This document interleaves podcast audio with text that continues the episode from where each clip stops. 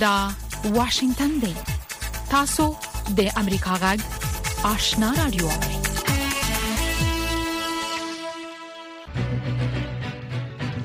درنو اوریدونکو ستړي مشي زه نو شابه آشنای تاسو په روانه خبرونه کې د سیمه او نړۍ په اړه رپورټونه هم اورئ خو لمړی پام وکړئ د سیمه او نړۍ خبرونه ته ویان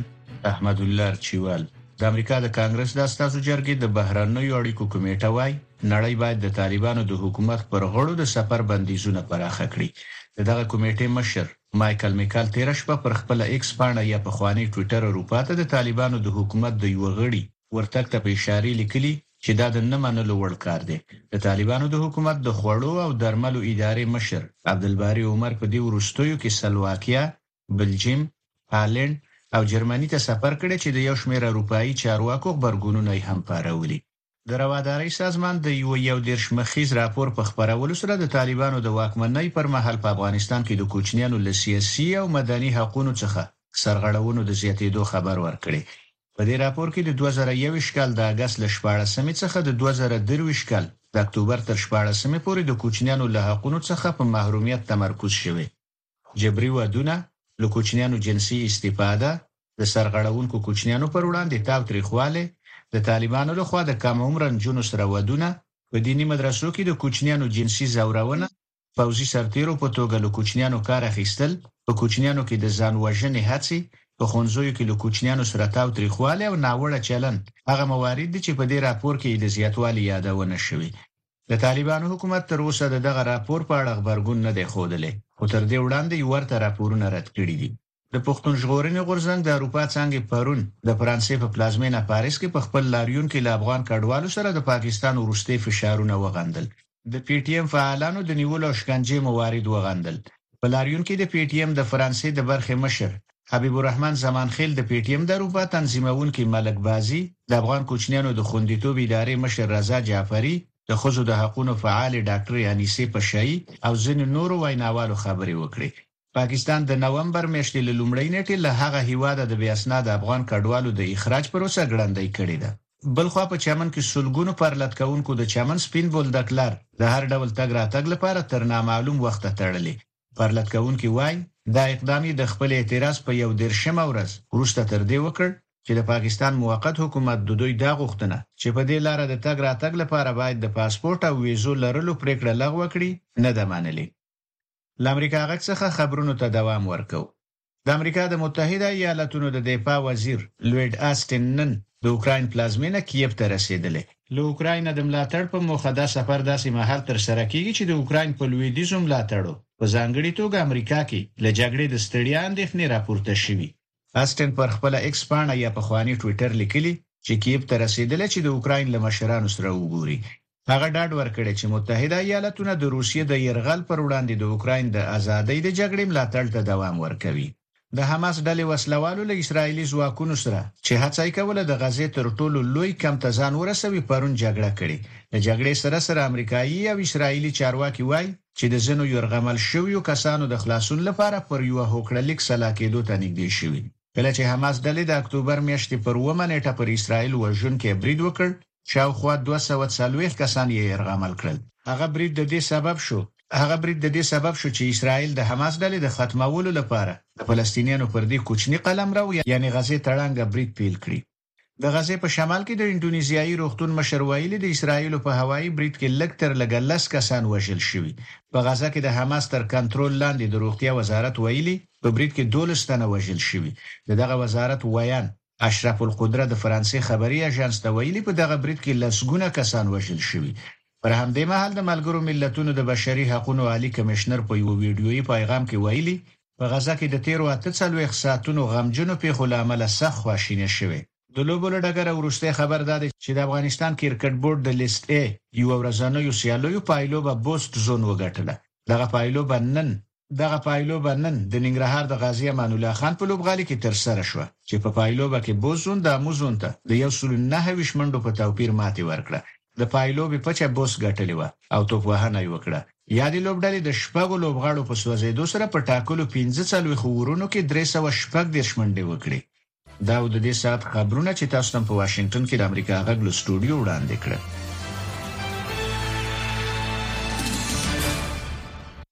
د سیمه او نړۍ خبرونه واوریدل په موقع د سیمه او نړۍ په اړه رپورټونه ده د طالبانو حکومت د ټول د طالبانو حکومت د ټولګټو وزارت د کندهار روزګان ترمنځ د 209 کیلومتر سړک د پخولو چارې پیل کړې دي د دغه وزارت سرپرست وایي چې په پام کې لري چې د دې لارې به د افغانستان جنوبي ولایتونه د شمالي ولایتونو سره هم ونښلي ټاکل شوې د دې سرک د بشپړېدو نه وروسته به د کندهار او شمالي ولایتونو ترمنځ لار 380 کیلومتر لنډه شي په دې اړه نور تفصيل د اکرام شینواری پر رپورت کې اوري د طالبانو حکومت د ټولګټو وزارت د یکشنبه په ورځ د کندهار وروزګان د 209 کیلومتر سرک د پخولو چارې پیل کړې په دې مناسبه جوړ شوی غونډه ته د دغه وزارت سرپرست ملا محمد عیسی ثانی ویل چې د کندهار او وروزګان ولایتونو ترمنځ دغه سرک د پخولو د کار د بشپړېدو وروسته به دا سرک د افغانستان جنوبي او شمالي ولایتونه د بامیان ولایت له لارې سره ونښلوي د طالبانو د حکومت د ټولګټو وزارت سرپرست ویل چې د دې سړک د بشپړېدو وروسته به د کندهار او مزار شریف ترمنځ د کابل د اوسنۍ لارې پر تله نوې لار په سلګونو کیلومتره لنډه شي دا لار در هغه لار چې هغه د کندهار څخه کابل د کابل څخه بلخ دا دراغه ډیره لنډه ده څو کې ډیر بیخي په سوو کیلومتره لنډه ده. د ټولګټو وزارت د معلوماتو له مخې د دې سړک د جوړولو مجموعي بودیجه 350 میلیونه ډالر ده چې د لارې د بشپړېدو وروسته به د افغانستان جنوبي او شمالي ولایتونو ترمنځ اوسنۍ مسافه 380 کیلومتره لنډه شي. تقریبا یوولس میاشتې کېږي دغه زمانه چې دې کار کړی دی دی اوله مرحله خلاصه کړل چې هغه د سړک نقشه وله د سړک تعداب ولو یو تعداد د غرو کاټول ولو او د پلچکانو جوړولو چې هغه اوله طبقه تقریبا خلاصه ده چې اوس یو ځای پاتې دی سخت کار کې شروع دی چې هغه کوتل پاج دی نو اوس د دې سړک دومره طبقه شروع ده چې هغه بسکوټ او کیر دي چې دې کیریا موږ ډامبر بوله دی اسپاټ وی دا طبقه شروع سول. د طالبانو د حکومت د ریاست الوزرا اقتصادي مرستیال ملا عبدالغني برادر د سړک د پخولو د کار د پیل غونډې ته وویل چې د دې سرک جوړول به د افغانستان په اقتصادي بیارغونه کې مهم رول ولوبوي. دا پروژه چې تکمیل شي دا به انشاالله د افغانستان د پرمختګ لپاره یو غټ دغه وي ځکه د هر کاروباري چې په افغانستان کې که تجار یې که هر څوک یې مثلا هغه به خپل مشکلات د دغه لارو د طریقې څخه خپل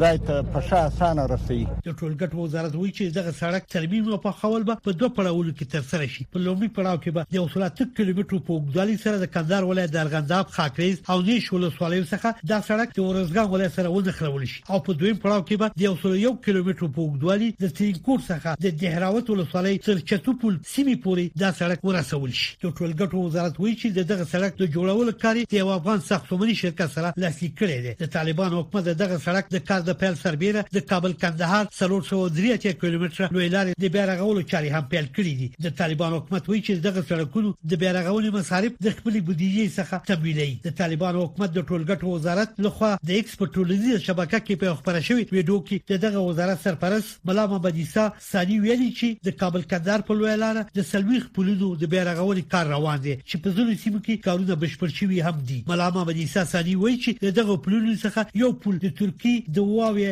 شرکت لخوا په وړیا ډول جوړ شوی دی پر دې لار باندې د څلويشت بالا پلونه دي چې اوس پیلن د کلات په سیمه کې یا د غزنی صدر کلات پورې پر لاس پله باندې کار شروع دي د دې څه څلور پله په سالن کې کار شروع دي د غش ټول راجمه کې تقریبا پر شل پله باندې مش کار شروع کړي په کلات کې چې کار شروع دي د کابل او کندهار پر سړک باندې یو پل په غزنی کې واغه جوړ سلو بل پل دغه دي چې دغه پل مشته چې وس ولاړ چې افتتاح کوو چې د محترم بوراک په مشری باندې دلته د ابتاداب کمپنی سره موږ قرارداد کړی یو پل د خدای د پاره جوړ کی د ملت ته یو پل په قیامت جوړ کی هغه د دې وسه موږ ته افتتاح کو ابلم جوړ سو د هواوی ترکی شرکت د پخوانی جمهوری رژیم راهیسی په افغانستان کې د برښنا د پروژو په ګډون د ځنو ملي پروژو په پلي کولو کې ونډه لري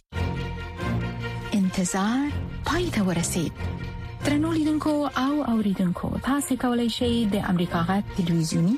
او رادیوي خبرونه د یاسر ساتلایت له طریقو وګورئ او واورئ د نوي ساتلایت لارې تاسو د آشنا اتصال او کاروان ټلویزیونی خبرونه کتلای هم شئ د امریکا غږ د افغانستان څنګه خبرونه په 398 چنل او د آشنا رادیوي خبرونه په 390 چینل کې اوریدلای شئ لملتيامو د تل پشان مننه دا د امریکا غاک آشنا رادیو ده د پاکستان مقد صدر اعظم انور الحق کاکړ ویلي چې ترڅو افغانستان یو مشروع حکومت ونه لري نو د دوړو ملکونو اړیکې به خې نشي پاکستاني چارواکي په طالبانو تور لګوي چې پاکستاني طالبانو یا ټي ټي پي ته پناه ځایونه ورکړي یو مخکخ امریکایي کارپوه کولن کلارک امریکا غا ته ویل چې دا خبره د دل لپاره یو عجیب ده چې پاکستانیان اوس دغه ډول شکایتونه کوي ځکه چې د پاکستان حکومت او آی سای لډیر مودې راځي همدا کار په خپل کړی دی هغه زیاتوي چې داعش یو نړیوال ګواښ دی. زموږ همکارې نصرانه یوسفزۍ د سیاسي چارو شنونکي کولن کلارک سره مرکه کړې چې تاسو اوریدو ته رابولو. په افغانستان د طالبانو د واکمنېدو وروسته د افغانستان او پاکستان اړیکې خرابې شوې دي. اکثره شنونکو به دا خبره کوله چې که طالبان واکمن وي، نو د افغانستان او پاکستان اړیکې به ښې شي. د دواړو هېوادونو ترمنځ د اړیکو د خرابېدو وروسته اوس کوم ګواښونه موجود دي. دا اړیکې د پام وړ خرابې شوې دي او افغان طالبان اوس پاکستاني طالبانو ته پناه ځایونه ورکوي. خو دا زما لپاره یو څه عجیبه خبره ده چې پاکستانیان شکایت کوي ځکه چې د پاکستان حکومت او آی اس آی له ډېرې مودې راهیسې همدا کار کاوه. دوی به یې ملاتړ کاوه او اوس هم په هغه سیمه کې یو لړ اورپکو ډلو ته خوندي پټنځایونه، روزنه او تجهیزات برابروي، لکه لشکر طیبه چې د ممبۍ د بریدونو مسؤلیت یې په غاړه اخیستی و او دغه شان ډېرې نورې ډلې، نو اوس آی ایس آی په دې نه پوهېږي چې طالبان ورسره څه کوي. دوی اوس ډېر خوښ نه دي، خو په حقیقت کې په دې ټولو کې اصلي زیان منونکي ملکي وګړي دي او هغه ملکي وګړي چې د پولې په اوږدو کې ځورول کېږي، د مهاجرو سره چې کوم چلند کېږي، دا د انسانانو د ژوند مسئله ده او زه فکر کوم چې دا سم نه دی. خو که تاسو دې ته وګورئ چې طالبان څنګه واکمني کوي، نو دا یو داسې حکومت دی چې د خلکو او په ځانګړې توګه د ښځو او نجونو پروا نه لري، دوی د خپل واک د ټینګولو په لټه کې دي. طالبان د یو ناخوښه پاکستان، په نړۍ کې د اقتصادي انزوا، بشري بحران او همدا راز د کډوالو د ستونزو سره مخ دي. تاسو د طالبانو راتلونکی څنګه وینئ؟ دا ویل ګران دي، طالبانو یوه اوږده لوبه رااخیستې ده، دوی احتمالاً انتظار باسي چې داسې یوې نقطې ته ورسیږي چې نړیوال حکومتونه دوی په رسمیت وپیژني او زه فکر کوم چې د سیمې هیوادونه او همدارنګه د چین په څیر هیواد دې لارې ته نږدې شوي دي. په منځني ختیځ کې چې دا اوس څه پیښیږي د نړۍ پام یې ځان ته اړولی دی او که د افغانستان حالت ته ژر پام ونه شي نو موږ ځینې سیمه ییز هیوادونه وینو چې طالبان به په رسمیت وپېژني او داسې ښیي چې دا به د هغې نه ژر وشي چې مونږ یې توقع کوله. ستاسو په نظر کوم ملکونه به د تر ټولو مخکې طالبان په رسمیت وپېژني؟ دا ګران دي، زه فکر کوم طالبان له اوږدې مودې راهیسې د خلیج هېوادونو سره نږدې پاتې شوي دي. دا د حیرانتیا خبره نه ده، په ښکاره ډول دوی په دوحه کې یو دفتر درلود چې څنګه هلته دا ټول تړون تر سره شو خو د دې ترڅنګ ځنې هیوادونه چې مونږ یې لوی قدرتونه بولو له اوږدې مودې راهیسې له طالبانو سره تماس لري زما پام د دې لیست په سر کې چین دی په ډیرو منرالونو او منابعو کې د چین علاقه کولای شي د دې لامل شي چې یو له لومړنیو هیوادونو نشي چې طالبان پر رسمیت وپیژني شاید چین به لومړی نه وي ځکه دا د بیجینګ سټایل نه دی چې په داسې یو کار کې لومړی وي خو که چیرې نور ملکونه یې په رسمیت وپیژني نو چین به بیا شاته پاتې نشي طالبان دا وخت یو حقیقت دی او دا اوس په دې پورې اړه لري چې نړیوال به کله په رسمیت وپیژني ستاسو په نظر د داعش ګواخ هم طالبانو او هم پاکستان ته څومره جدي دی او هم دا رنګ که تاسو موږ ته دا هم وایي چې د داعش په سر ترګری ډلې د کوم ځای نه تمویل کیږي زه کولی شم د داعش د ګواښ په اړه خبرې وکړم، خو ما د داعش د ډلې د تمویل په اړه ژوره مطالعه نه ده کړې. که څه هم زما احساس دا دی چې غصب او ځینې مافیایي سټایل تاکتیکونه چې موږ د حقاني شبکه کې لیدلي، دوی هم د هغې نه کار اخلي. زه فکر کوم چې داعش یو جدي ګواښ دی، دا یو نړیوال ترهګریز ګواښ دی، خو دا په افغانستان کې د طالبانو د له منځه وړلو لپاره ګواښ نه دی، خو دا ممکن په نږدې راتلونکي کې د طالبانو لپاره په ټیټه کچه یو ګواښ وي او دوی به شیعه هزاره ګان په نخښه کوي او طالبان به یو ډول شرمنده کړي چې دا وخی چې طالبان په افغانستان کې د لګکیو دلو ساتنه نشي کولای خو موږ د سپټمبر په پیښه کې ولیدل چې طالبانو یو بین المللي ترهګرې ډلې ته خوندي پټنځایونه چمتو کړي وو خو اوس طالبان داعش ته پټنځایونه نه ورکوي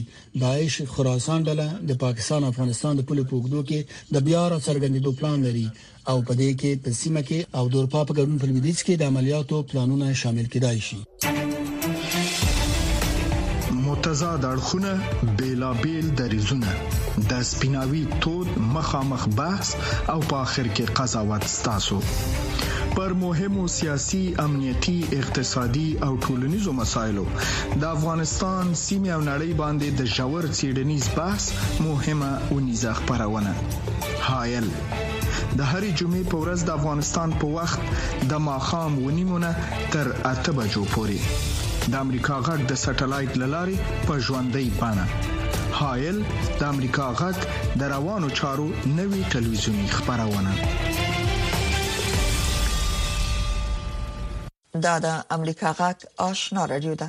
په داسې حال کې چې د استرالیا د کډوالۍ د چارو وزیر اندریو جایلز ویلي دي چې درې نوي بهرنیان چې له یو غیر محدود توقیف نه آزاد شوي دي، اړ به ایستل شي چې سر له شنبې نه پر ویزې لګول شوي سخت شرایط مراعات کړي. د استرالیا عالي محکمې په روانه میاشت کې پریکړه وکړه چې د نامعلوم وخت لپاره د کډوالۍ په توقیف کې د خلکو ساتل غیر قانوني دي. له سیدني نه د امریکا غږ د خبریال فیل مرسل د رالیږلي رپورټ خلاصه له سید سلیمان شاه نه اورئ. د اسټرالیا عالي محکمې د نومبر په اتمه یوه پرېکړه صادر کړه چې له مخې د کډوالۍ په توقیفي مرکزونو کې خلک تر نامعلومې نېټې پورې نشي ساتل کېدای. خو د هغه هېواد د کارګر ګوند حکومت په ډېره بیړه په فدرالي پارلمان کې یو لړ نوي قوانین منظور کړل چې له مخې د بند نه ازاد شوي قیدیان مجبور دي چې د څار او مراقبت په خاطر د الکترونیکي آلو د اچولو په ګډون پر ویزې باندې د لګول شوو سختو محدودیتونو سره سم عمل وکړي. ټول ازاد شوي کسان باید چارواکو ته په دې اړه اسناد او شواهد وړاندې کړي چې له چا سره اوسېږي، باید د سفر د پلانونو، له اتحادیو، کلبونو او یا له نورو سازمانونو سره د خپلو تماسونو او شخصي مالي حسابونو په اړه معلومات ورته ورکړي. د اسټرالیا د تابعیت او ګډو کلتوري چارو وزیر انډریو ګیلس سیمه ییزو مطبوعاتو ته وویل چې دا اقدامات د نوموړي په وینا حکومت د ټولنې د خوندي ساتلو په خاطر کړي وو له هغو اسنادو نه چې د عالي محکمې له پرېکړې وروسته حکومت د حکومت مدافع وکیلانو محکمې ته وړاندې کړي، څرګندېږي چې له نامحدود قید نه خوشې شوو درې نوي قیدیانو په جمله کې شل تنه د اسټرالیا د ملي امنیت په اړه د اندېښنې او سایبري جرم پر اساس نیول شوي وو، ویشت تنه نور په اسټرالیا کې د مجرمانو جدي او لوړې کچې منظمو جرمونو ډلې غړي وو چې پر ماشومانو له تشدد نه ډکو تېریو او یا د ښځو په خلاف له تشدد او تجاوز نه ډک جنسي تیریو په وجه په بند کې پراته وو. عالي محکمې ته اصلاً د یوه بې وطنه روهینګیايي سړي د سرنوشت په اړه چې پر ماشومانو په جنسي تیري تورن شوی و او بل هېڅ کوم هېواد یې منلو ته چمتو نه و او په اسټرالیا کې د ژوند تر پایه پورې په بند کې د پاتې کېدو امکانات موجود و، خواست شوی و. حکومت په دې اصرار کاوه چې په قید کې د دغه روهینګیايي سړي ساتل قانوني دي، ځکه چې له اسټرالیا نه یې بل ملک ته د شړلو نیت لري. حقوقو طرفدارو ډلو د قیدیانو د څار پر نوو قوانینو نیوکې کړي. د بشري حقوقو د حقوقي مرکز سرپرستې منتظمې مېرمن جاسیفین لانګباین د جمعې په ورځ د اسټرالیا بروډکاسټینګ کارپورېشن یا اې بي سي سره په یوې ځانګړې مرکې کې ویل چې په دې نوو مقرراتو کې له خپلې اندازې نه زیات محدودیتونه لګول شوي دي.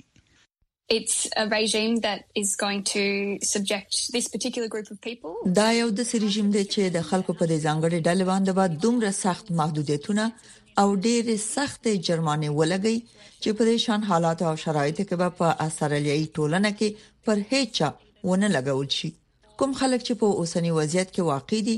هغه خلک دي چې خپل اصلي هوا ته بیرته ستنیدل نشي ځکه چې یا خو دوی خپل وطن نه لري او یا دا چې کسانه هم شي د سخت زورونه لګواخ سره به مخامخ شي بیا هم د استرالیا حکومت ادعا کوي چې د کډوالو د څار په اړه اقدامات قانوني او متناسب دي زیاتره خوشي شوي قیدیان د افغانستان، ایران او یا د سوډان اتباع دي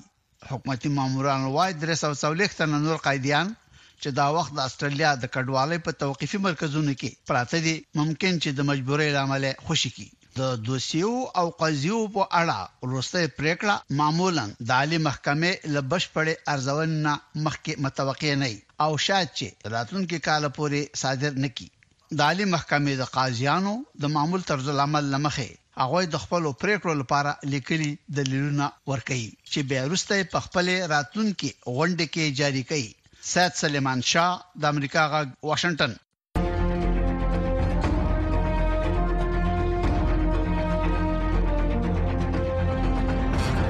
اتصال زموږ او ساسي پیوستون خبرونه چیرنی او خبرګونونه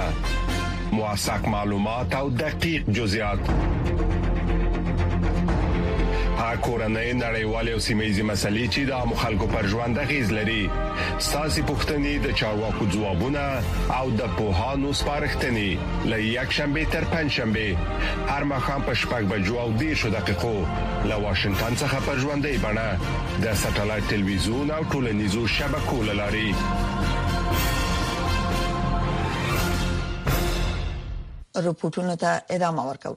ننګرهار کې د زیتون د پروسس کارخونه بیا په فعالیت پیل کړې ده په دغه کارخونه کې د زیتون د تیلو ترڅنګ رب اچار او صابون هم جوړیږي د دغه کارخونې مسولین د بوتلو او نورو لوازمو له کمی سر ټکوي دوی له نورو پانګوالو غواړي چې په دغه برخه کې پانګونه وکړي اقتصادي شنونکو د زیتونو پروسس خیا دی د دوی په خبره که توجه ورته وشي ډیرو ځوانانو لپاره به دند پیدا شي نور حال د شمس آرین پر رپورټ کې دا په ننګرهار کې د زیتونو د پروسس کارخونه یا فابریکه ده چې شپږ لسیزې مخکې د کار او پروسس چارې پیل شوې دي. په تېر کې په دغه کارخونه کې نږدې پنځلس سوه کسانو کار کاوه، خو اوس یوازې تر څلوېښتو پورې کارګر لري. په دغه کارخونه کې د زیتونو څخه د تېلو د ایستلو تر څنګ روب، اچار او صابون هم جوړېږي، چې په نږدې راتلونکي کې به یې صادرات نورې نړۍ ته هم پیل شي. د میزان په میاشت کې شروع کیږي یعنی د میزان په میاشت کې د فارمونو نه شنه زیتون انتقالیږي فابریکې زیتون ته بعد هغه نه برنده تاسو ولې د لال تمنګ ته پټه په سات پرسونل ناشتي دا سود کیږي سود په دې معنی چې هغه غیر ستاندر دانې تر موږ لري کوو ستاندر ستاندر دانې په دې ناوه کې د وګړو واسطه راځي فون ته دا څو فمان چې دا ټول دوه تنه دي د دې پروسیجر چون زیتونه په اوره مرحله کې ترخه دي دې ته مونږ یو اشاره 2% سوډیم هایدروکساید محلول ورکو د 50 ساعتونو نیولې د 2 ساعتو پورې په دې سوډیم هایدروکساید کې چې د څو دې تریخواله لري شي د دغه کارخونې کاریګر وایي چې د دغه پروسس شوي زیتونو په مرسته د دې ترڅنګ چې کورنۍ اړتیا پوره کیږي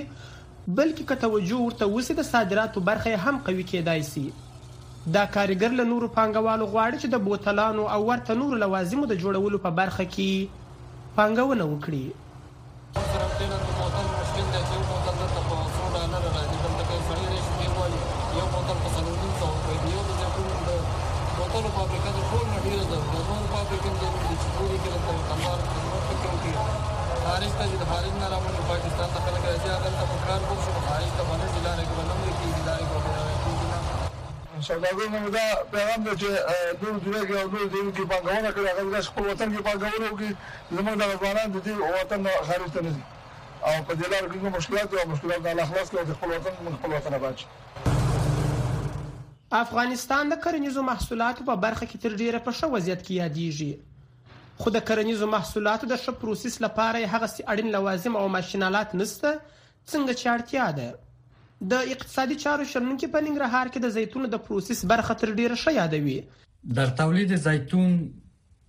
در ولایت ننګرهار و زون مشرقی خوشبختانه ما مزیت نسبی داریم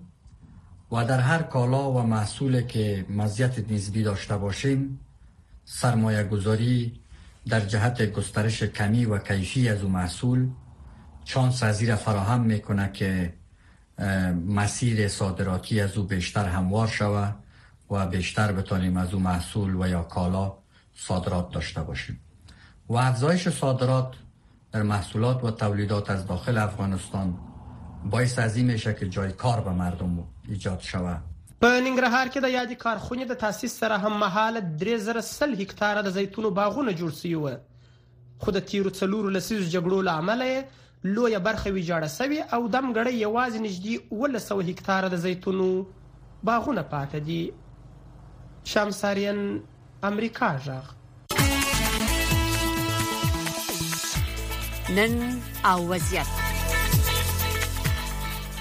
د نړۍ سیمه او د افغانستان پر روانو چارو او د ننني وضعیت په حق لا خبرونه راپورټونه مرکه او تحلیلونه هر شپه نه بجې د امریکا غږ آشنا رادیو نه اوري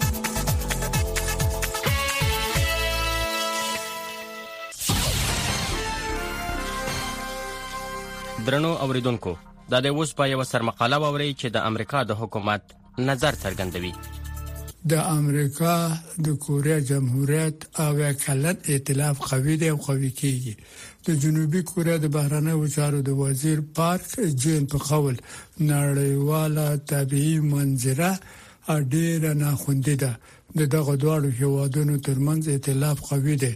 د بهرنیو چارو وزیر انټونی بلینکن ویلي د جنوبي کوریا د خپل تازه وخت د سفر په وخت کې دا په حقیقت کې د نه منل کې ډاینامیزم نن وخت دی او د امریکا او جنوبي کوریا ترمنځ د روابطو لپاره مهم دی د ویل په څه باندې تیرو اویا کالو کې دغه روابط له مهم امنیتي ائتلاف نه مهمه نړیوال انډیوالۍ ته وده کړې ده زمونږ د خلکو په باره کې د واقع به تقریبا د هر موضوع په باره کې امریکا او جنوبي کوریا په ګډه لنیږدې نه کار کوي او دا یو تصادف نه دی دا زموږ د ژمنې یو عکس العمل دی د دغه انډیوالۍ په باره کې او د دغه سیمې په باره کې. اصلي چیلنج چې دغه دواړه هیوادونه ورسره مخامخ دي هغه په ختیځه اسیا او درسته نړۍ کې د امنیت او ثبات څارنه او قوي کول دي د بهرنیو چارو وزیر بلینکن ویلي په ځانګړي ډول امریکا او د جنوبي کوریا جمهوریت ستراتیژیک مرکز شریکوي کله چې دا د چین سره د دوی د تماس پورې ارتباط ولري په دې کې د چین جنوبي او ختیځ سمندرګي او د تایوان تنګه شامل دي دا د دې څرګندونې ارزښت هم لري چې کوریا، جاپان، استرالیا او نیوزیلند د ناتو په غونډو کې اوس منظم فعال او برخوال دي. کوریا د اوکراین د زړورو خلکو کوششونو ملاتړ ته دوام ورکوي چې له خپل خلکو نه دفاع کوي چې له خپل خاور نه دفاع وکړي چې د روسي د يرغل په خلاف له خپل دیموکراسي نه دفاع وکړي په حقر کې دغه دواړه هیوادونه د ملګرو ملتونو د منشور په مرکز کې په د وسلو د پارونکو اقداماتو په اړه کې په خپل تماس کې متحد دي خپلواکي ځمکانه تمامیت او استقلال په اخر کې د بهرنیو چارو وزیر ابلینکن ویل موږ د خپل خلکو ترمنځ د یادونې وړ روابط جوړوو که موږ په تازه لسیزو کې یو شی یاد کړی وي هغه دا دی کله چې هندوان او امریکایان په ګډه څېړنه وکړي په ګډه کار وکړي په ګډه همکاري وکړي د پرمختګ لپاره امکانات به حد دي د بهرنیو چارو وزیر بلینکن څرګند کړه دا په تاریخ کې یو لحظه ده چې پریکړې او همکارۍ ته ضرورت لري. دا یوازې په دې باندې ټینګار کوي چې څومره د امریکا هند انډیوالي مهمه ده او څومره کوششونه مهم دي چې دا نور پسې قوي کړي. درنو اوریدونکو دا و د امریکا غږ سر مقاله چې د امریکا د حکومت نظر څرګند کړ.